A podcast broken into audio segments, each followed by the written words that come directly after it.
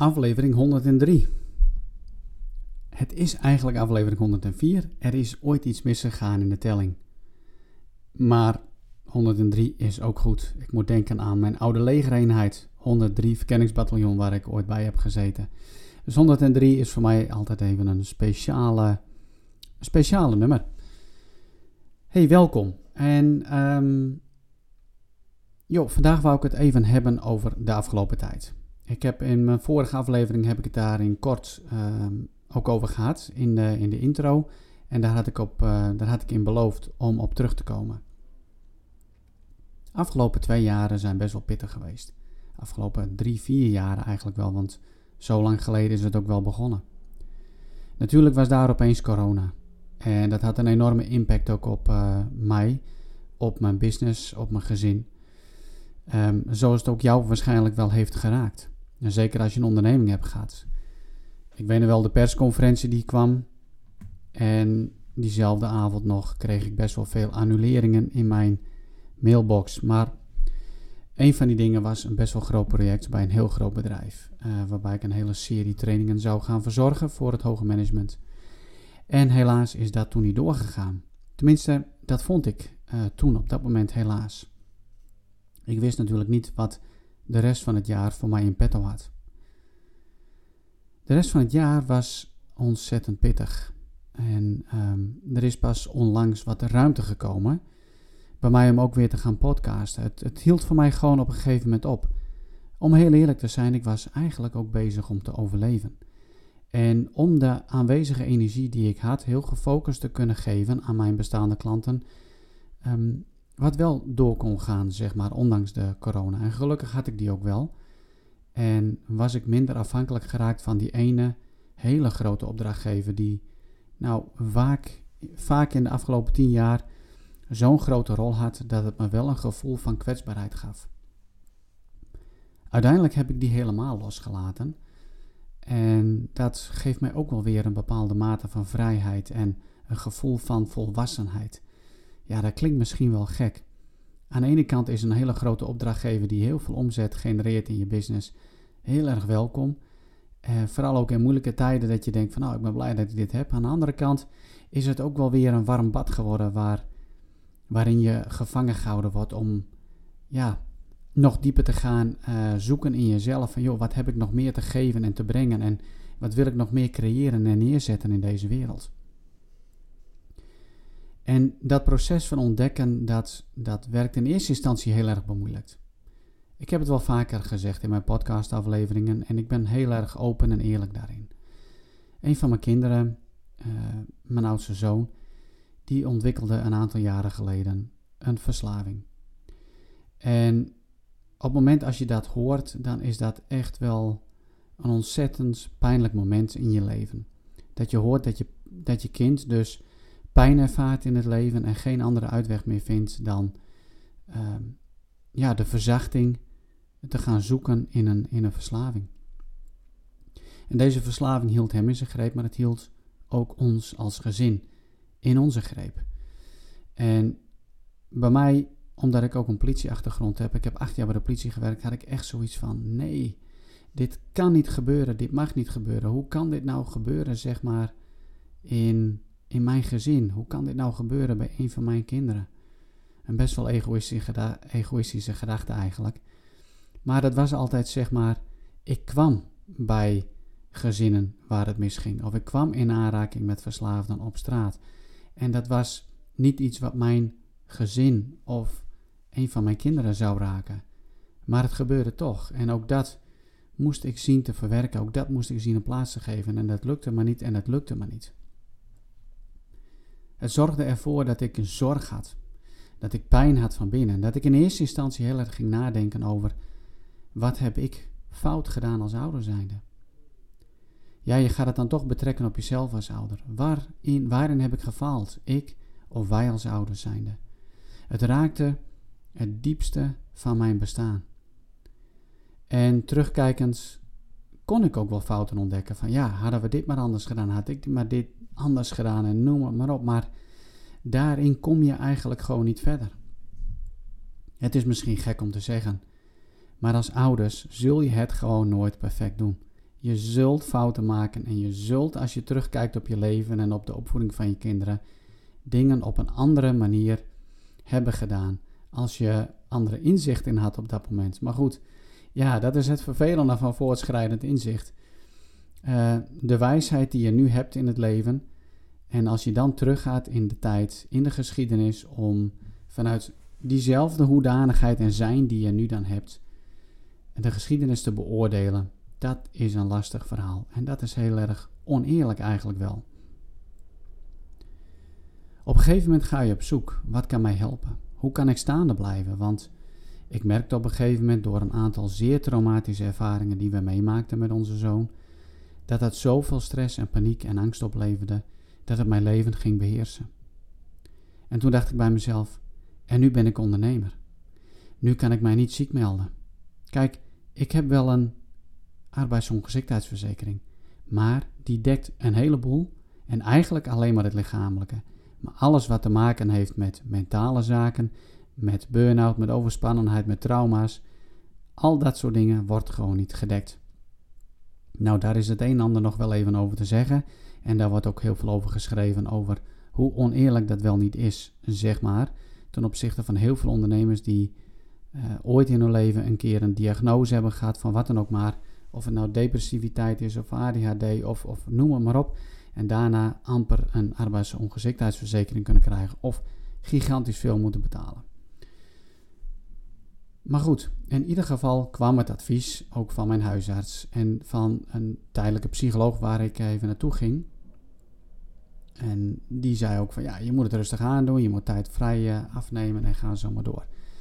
Maar goed, je bent ondernemer, je bent verantwoordelijk om zoveel inkomen te genereren, om je rekeningen te betalen en om uh, inkomen te genereren. Dus dat gaat niet zo makkelijk. Hè? Dus het is niet zo makkelijk als van, joh, ik ga mij 1, 2, 3 even ziek melden en dan komt alles goed. Nou, ik kon me nergens ziek melden, dus dat is dan het uh, volgende. En ik moest wel doorgaan.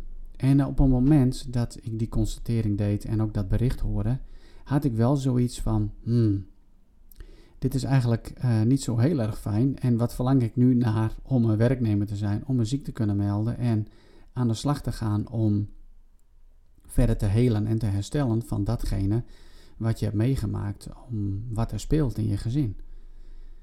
Dat kon dus niet. Dus ik moest een modus zien te vinden om met al wat speelde toch door te kunnen gaan. En dan ook wel op een gezonde manier. Gelukkig heb ik hele goede vrienden in mijn leven waar ik mee kan sparren. Waar ik mee kan delen, waar ik mijn gal kan spugen, waar ik mijn pijn kan neergooien. Die een luisterend oor zijn en af en toe ook gewoon een spiegel zijn voor mij. En uiteindelijk, in, ook in overleg met, uh, met mijn vrienden, kwam ik tot de conclusie: joh, ik moet echt wel even wat rustig aan gaan doen. Minder werken en dan uh, ook de focus te hebben op een stukje herstel en een stukje op energiebehoud. Dus ik maakte al gouden keuze. Laat ik datgene wat ik doe, daar ook zeg maar mijn energie op richten. Maar laat ik datgene wat ik doe gewoon een stuk minder uh, laten zijn.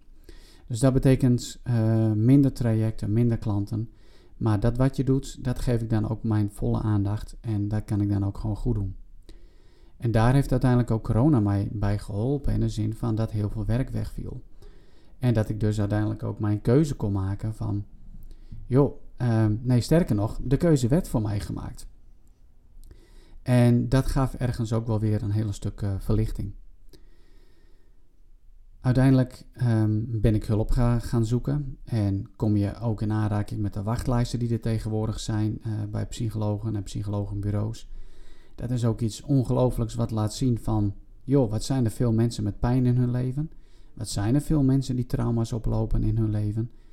En wat is er dan weinig plek waar we naartoe kunnen gaan? Dat geeft ons ook wel weer te denken van hoe hebben wij eigenlijk onze levens, onze maatschappij ingericht? Doen wij en maken wij de juiste keuzes om gezond uh, te blijven. Het is een aantal jaar geleden en dat is een verhaal wat mij ook heel veel heeft gebracht. Een aantal jaren geleden dat ik ooit door mijn dochter werd meegevraagd naar een yogales. Ze zei: Pap, ga nou eens een keer mee. Ik hield dat af en ik hield dat af omdat ja, het, het paste niet heel erg bij, uh, zeg maar, vanuit de identiteit, de christelijke wereld waar ik uh, uitkom. Uh, de kerk waar ik naartoe ging en waar ik jarenlang ook een actieve rol heb gehad. Wat overigens nu niet meer, zeg maar, onderdeel is van mijn leven. Maar het, de manier van denken had wel een gigantische invloed op mij. En um, het duurde dus ook even voordat ik meeging. Tot die ene zondagmorgen dat ik wel meeging. En het was die zondagmorgen dat ik dus meeging met een spanning in mijn onderbuik. En joh, ik zag het eigenlijk niet zo zitten. Ik dacht van ja, dan kom ik daaraan als kerel. Uh, tussen al die vrouwen waarschijnlijk. Hè, dat was dus een, uh, een mening wat ik had, een overtuiging die ik had. En inderdaad, er waren ontzettend veel vrouwen. Volgens mij was er één andere man. Ja, goed. In een hele zaal vol uh, met nog een andere kerel. Een yogales vormen. En ik was bezig met die oefeningen en houdingen. En ik dacht bij mezelf, man, waar ben ik toch mee begonnen? Waar leidt dit naartoe? Wat voor nut heeft dit allemaal? En uiteindelijk in de yoga kom je uiteindelijk tot een eindhouding. En in die eindhouding, heel toepasselijk genaamd de lijkhouding Savasana, daarin ga je zeg maar uh, ontspannen. Daarin kom je tot jezelf. En de oefeningen die je van tevoren hebt gedaan, die helpen je als het ware om in contact te komen met je lichaam, maar ook in contact te komen met het goddelijke. Uh, het goddelijke wat aanwezig is in ons universum maar ook het goddelijke wat aanwezig is in jou. En dat is het mooie van yoga. Het zorgt ervoor, juist die bewegingen, dat je energiebanen weer uh, vrij worden van blokkades, dat het weer gaat stromen, maar ook dat er een stukje heling kan uh, plaatsvinden, omdat juist ook uh, stress, pijn, juist in onze lichaam en juist ook in onze organen en spieren en cellen gaat zitten. Daar is genoeg wetenschappelijk onderzoek naar gedaan.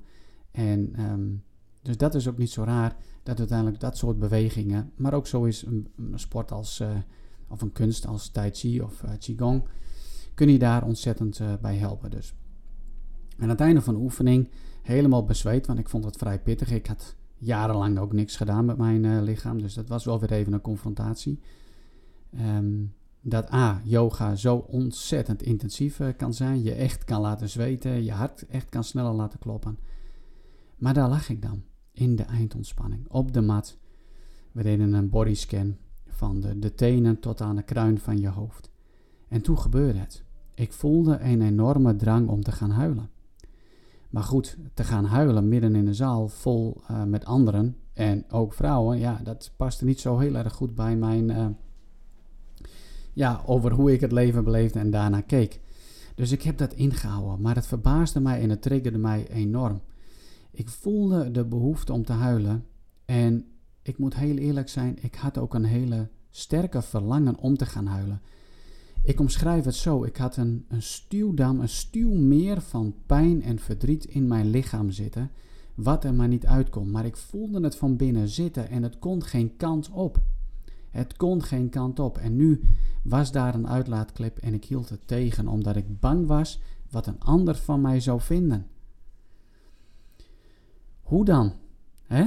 Hoe dan? Hoe kunnen wij ons zo als mens laten tegenhouden door wat een ander van ons vindt?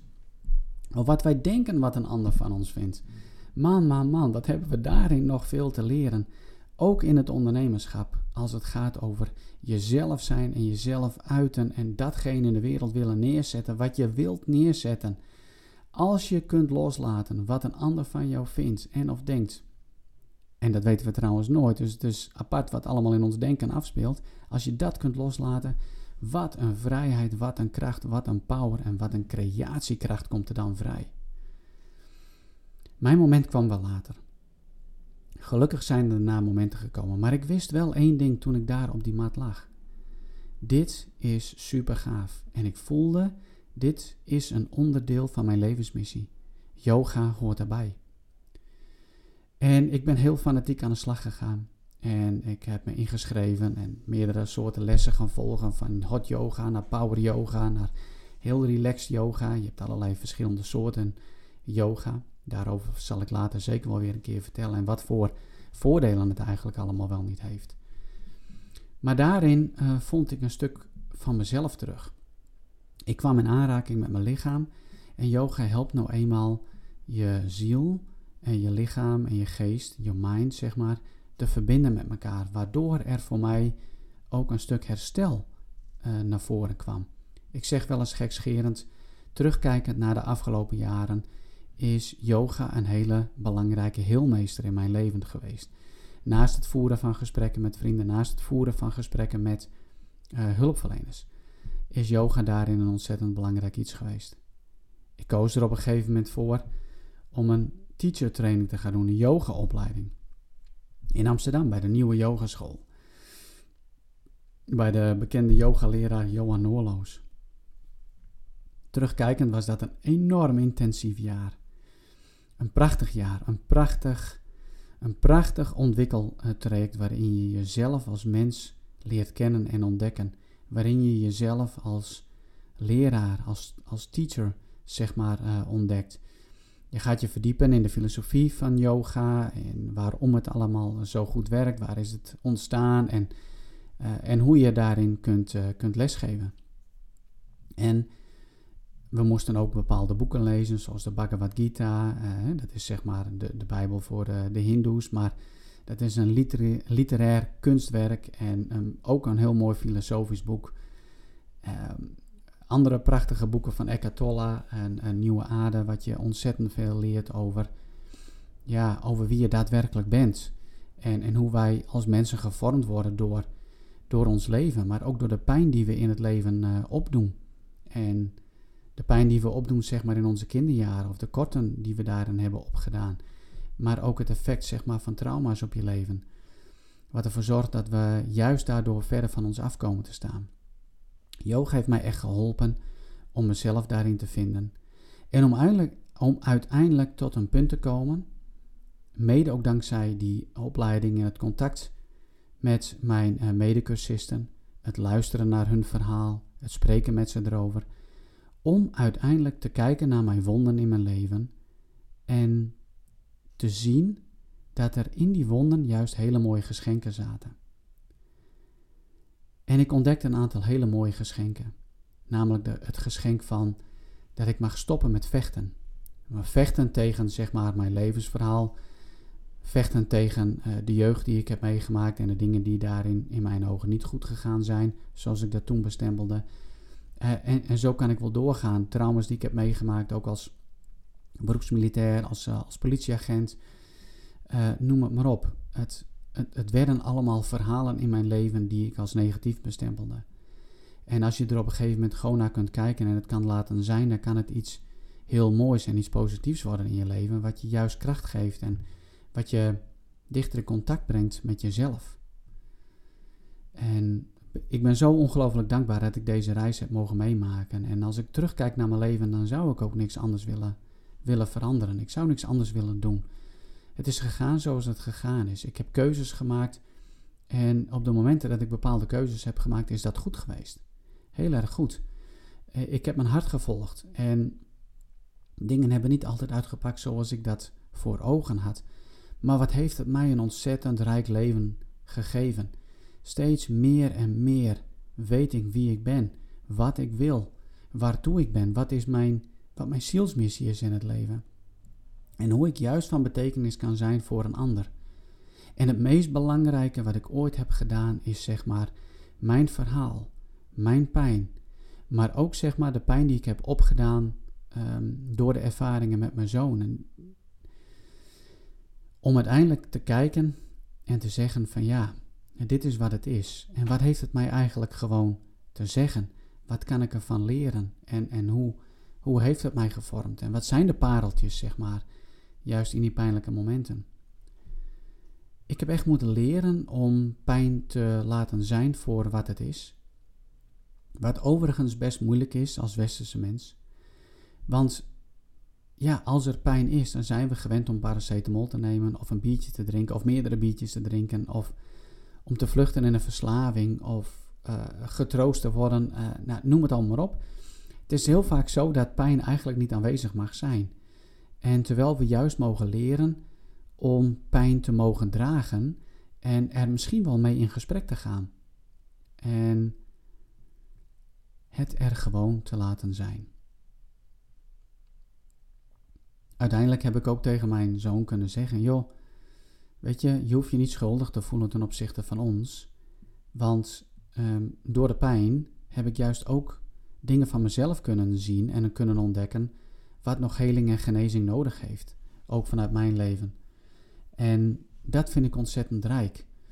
Het heeft me zo uiteindelijk zoveel gebracht dat ik ehm, terug kan kijken en zeggen: joh, ondanks alle ellende wat we hebben meegemaakt, het is goed zo.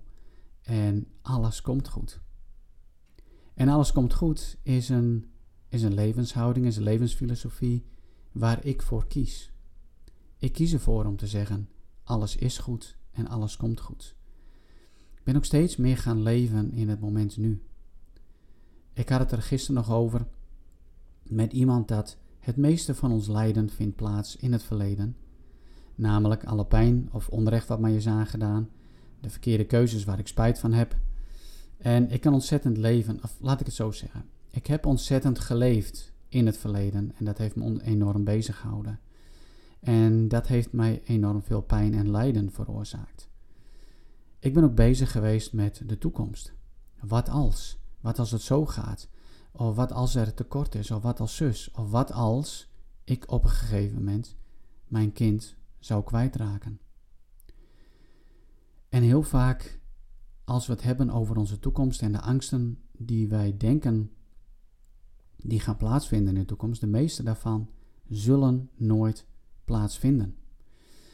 En dus dan zijn we of bezig in het verleden, of in de toekomst wat moet nog plaatsvinden, maar we vergeten om te leven in het nu. We, we, we vergeten, pardon, om te leven en te voelen in het nu. Leren voelen is ook iets wat je niet meekrijgt vanuit school, of vaak ook niet vanuit je opvoeding. Leren voelen is ook weer een kunst wat we zijn kwijtgeraakt in ons westerse leven. Leren voelen is zo ontzettend, uh, laat ik het zo zeggen, het is zo'n rijkdom, het is zo'n schat, wat je opnieuw mag gaan leren. En dat gaat je enorm helpen om een zinvol en gelukkig leven te leiden, maar ook om een zinvol en gelukkige onderneming op te zetten en te runnen. Leren voelen. Ja, dit is wel uh, uh, even wat, wat ik er zo allemaal uitgooi. En dat besef ik ook wel. En ergens voel ik ook wel wat schroom om me zo kwetsbaar op te stellen. Maar ik heb geleerd dat het juist delen van mijn, van mijn verhaal ontzettend waardevol kan zijn voor de ander. Als je pijn hebt in je leven, uh, je hebt traumatische ervaringen opgedaan, of je hebt te maken met verslavingen van je geliefde, van een van je kinderen of iemand anders in de familie wat je enorm raakt, weet dan dat je niet de enige bent. Je bent niet de enige. Als het voelt alsof je totaal geen controle meer hebt over het leven of je ziet geen uitweg weer meer, weet dan dat je ook daarin niet de enige bent. Maar weet ook dat er een manier is, zeg maar, om ermee om te gaan. Om het te kunnen dragen, om het ook betekenis te kunnen geven. Zodat je uiteindelijk niet meer geregeerd gaat worden door uh, je emotie van wanhoop, van verdriet, van, van pijn. Maar dat je leert communiceren met je emoties, met je gevoelens, met de situatie. Dat je het leert dragen en dat het zelfs mogelijk is, zeg maar, om de geschenken te vinden in de pijn. En ik zal hier ook in de komende tijd veel en veel meer mijn aandacht, aandacht geven afleveringen over maken. En het wordt ook onderdeel zeg maar, van de van begeleidingstrajecten die ik doe met ondernemers en professionals. Als jij nou een ondernemer bent die met dit soort dingen te maken heeft in het leven, voel je dan vrij om contact met mij op te nemen. Je vindt in de shownotities vind je wel contactgegevens uh, van mij. Je kunt gebruik maken van een gratis uh, coaching uh, sessie waarin we gewoon met elkaar in gesprek kunnen gaan en daarin kan ik ehm, ook mijn verhaal delen met jou en je misschien wel adviezen geven over hoe daarmee om te gaan. Ik zal binnenkort ook meer gaan vertellen over de mastermind die ik ga oprichten. Om juist een mastermind van een groep ondernemers op te gaan richten. Die er klaar voor zijn om nu eens echt van binnenuit te gaan ondernemen. Om een onderneming te gaan creëren. Of hun bestaande onderneming te gaan transformeren naar een onderneming die zeg maar echt een verlengstuk is van hun zielsmissie. En dat wordt een prachtige mooie ontdekkingstocht. Dat wordt een prachtige mooie ja, deelgenoot worden van elkaars verhalen. En ook als je te maken hebt juist met hele pijnlijke momenten in je leven of trauma's die je hebt meegemaakt, waarvan je voelt, joh, deze staan mij gewoon in de weg. Nu ben ik geen therapeut of hulpverlener, ik ben wel een ervaringsdeskundige en inmiddels een hele uh, ervaren coach en ja, wat ik noem trusted advisor, mentor, die je heel praktisch aan de hand kan nemen en je kan laten zien hoe je zeg maar van je pijn uh, pareltjes uh, kunt gaan maken. En hoe je kunt staan blijven met je onderneming als je juist dit soort dingen ervaart. Dus schroom niet om um, contact met mij op te nemen en, in ieder geval je interesse kenbaar te maken. Of joh, als je zo diep zit, dan, dan wil ik je met alle plezier uh, helpen. Dus een reis waarin het mij gelukt is om te stoppen met vechten. Ja, af en toe vecht ik nog wel hoor, ik zal heel eerlijk zijn. Maar het is niet meer het grootste gedeelte van mijn bestaan. Om mijn levensverhaal zeg maar als een parel te zien. Om meer te leven in het nu. En vanuit die hoedanigheid te kunnen creëren en van betekenis te kunnen zijn voor een ander. Om ook de pijn uh, te kunnen dragen die we hebben opgedaan in de verhalen met onze zoon. Want als je een aantal jaren leeft met constant in je achterhoofd, ik kan mijn zoon verliezen. Je hebt vaak op dat punt gestaan dat het echt, echt heel erg dichtbij was. Dan doet het heel erg veel met je dan heeft dat invloed op je hele manier van zijn, op je lichaam, op je gezondheid. En joh, dat is nu gelukkig achter ons en wij leven nu in de tijden waarin het in ieder geval met onze zoon heel erg goed gaat. Waarin hij steeds meer en meer zichzelf ontdekt. En uh, ja, tot leven en tot bloei uh, mag gaan komen als mens zijnde. En dat is iets waar ik ontzettend dankbaar voor ben. Ik denk dat ik het eerst hier even bij gelaten uh, voor vandaag. Ik, uh, ik ga dit verhaal nog verder uitdiepen en de pareltjes uh, er voor jou uit te halen en daar ook weer mooie verhalen van te maken die je, die je mogen inspireren. Waar je wat aan hebt.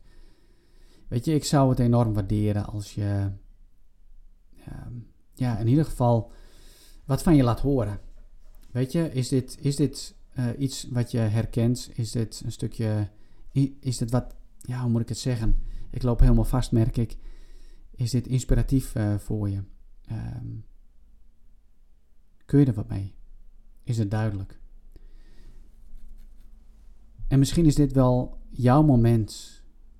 Is dit jouw kruispunt in het leven waarop je kunt kiezen? Joh, ik voel het allemaal wel. Ik voel dat ik wat mee, uh, ermee moet gaan doen. Ik voel ook dat het zeg maar de groei van mijn bedrijf gewoon blokkeert, stagneert. Dat het allemaal gewoon niet gaat zoals ik wil. Misschien is dit jouw wake-up call. Jouw geestelijke kruispunt. Jouw kruispunt van het leven, zeg maar, waar je op staat. Om ergens aan de bel te trekken en te zeggen: joh, ik loop vast en uh, help mij.